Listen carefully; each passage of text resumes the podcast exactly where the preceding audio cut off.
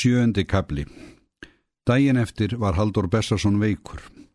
Hann hafði orðið innkulsa síðustu nóttin á hrauni þegar hann vafði treyjunu sinnu um Maríu litlu og satt sjálfur snöggklætur í köldu eldhúsinu. Hann svaf óvart um nóttina og kastaði oft ofan af sér sanginni. Hann hlaut að hafa hita, hugsaði Salfur. Morgunin eftir fór hann á fætur en dágett sjóveður. En þegar í ljós kom að hann hafði svima og reikaði spori skipaði Salvor honum aftur í rúmið hann ákvaða Jón í díavög erði formaður í þessum róðri.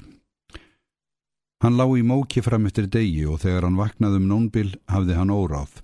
Hitin hafði hann aukist. Salvur satt lengstum hjá honum með prjóna eða aðra handavinnu.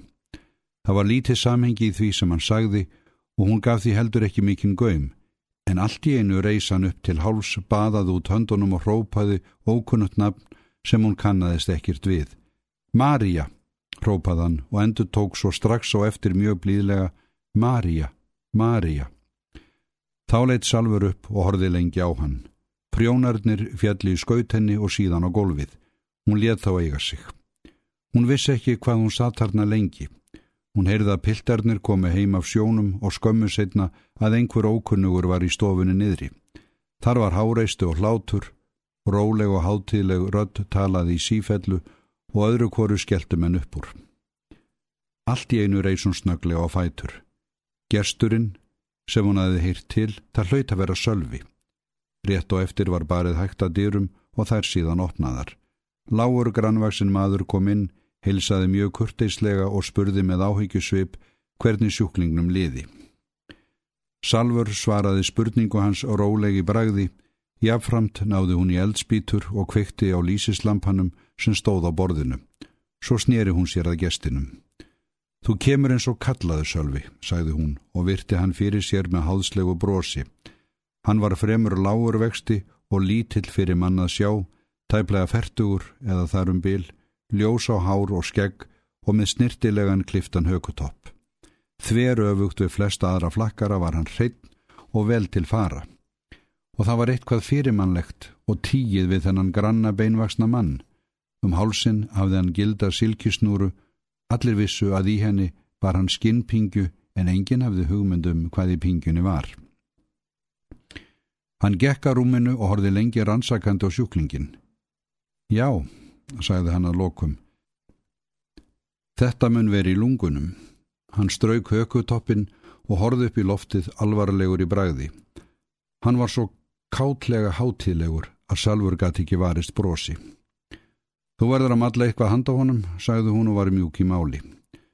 Þú færð þetta fljótlega úr honum ef ég þekki þér rétt. Þú sem ert landsfrægur læknir. Hún reyndi ekki að delja háðið í brosi sínu.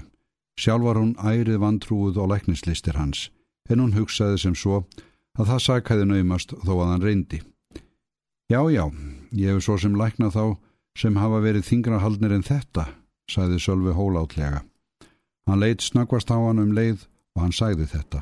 Andlit hans var jafn alvarlegt og hátilegt og áður, en í gráum augunum brá fyrir einkennilegum glampa, vottaði fyrir skopi sem var svo í hófstilt að hún var þess ekki vörð.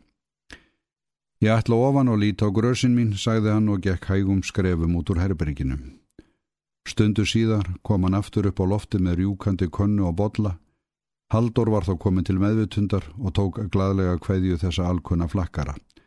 En þegar honum skildist að hann ætti að drekka það sem í konnunni væri, þver neytaði hann því og sagðist enga trú hafa slíku. Ég ætti að vera óhætt að bragða á því, sagði Sölvi og var óskup kurtis.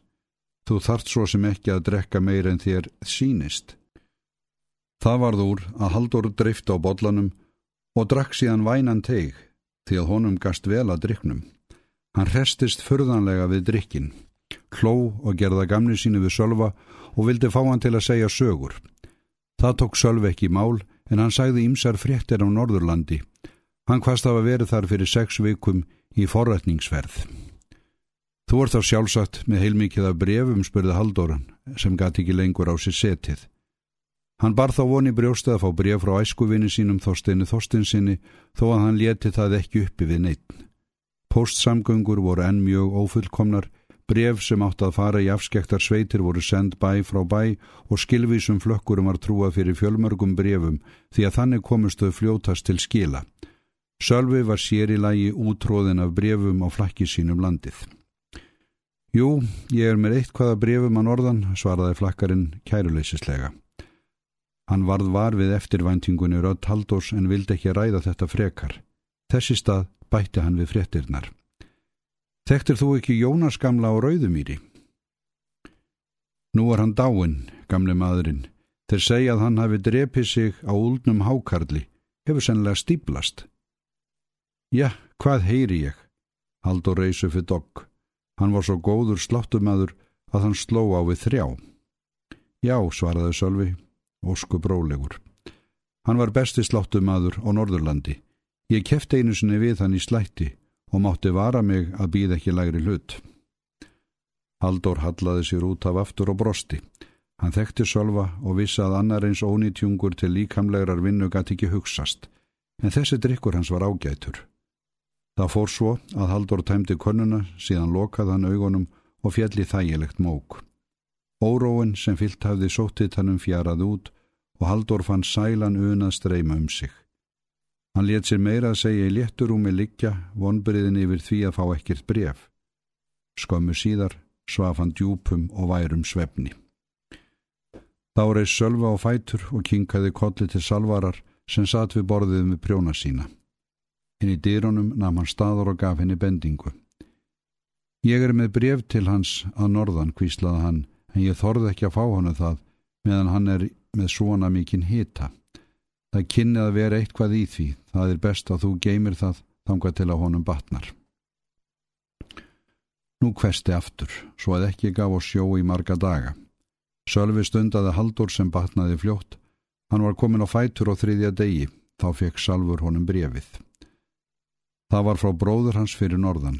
Pilturinn skýrði frá því að nú vildi móður þeirra hætta búskap að vori og hvaðst hann gerðnan vilja taka jörðin af haldur kerðis ekki um hana. En eins og þú veist, þá hef ég enga handbæra peninga til að borga þér þinn hlut í búinu og mamma segir að þú hafi fengið talsvert til þú fóst. Þú getur svo gert eins og þér sínist.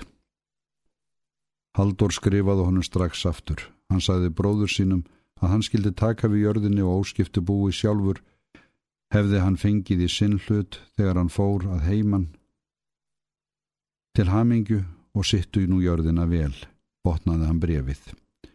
Mér líður ágætla þar sem ég er. Sölvi tók við brefinu, hann var á förum austur og norður.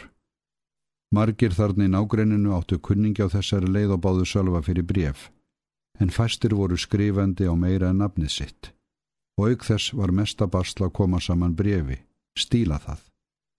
Þeir komið því til Salvarar og báðu hann að hjálpa sér, hún skrifaði fallega hönd og var snillingur í að segja það sem segja þurfti. Símónia vinnukona hafði gerð breyst þessa daga. Hún sem venjulega hafði allt á hornum sér og tók einskismann skamni var nú létt á fæti og nærið því gladlega á svip.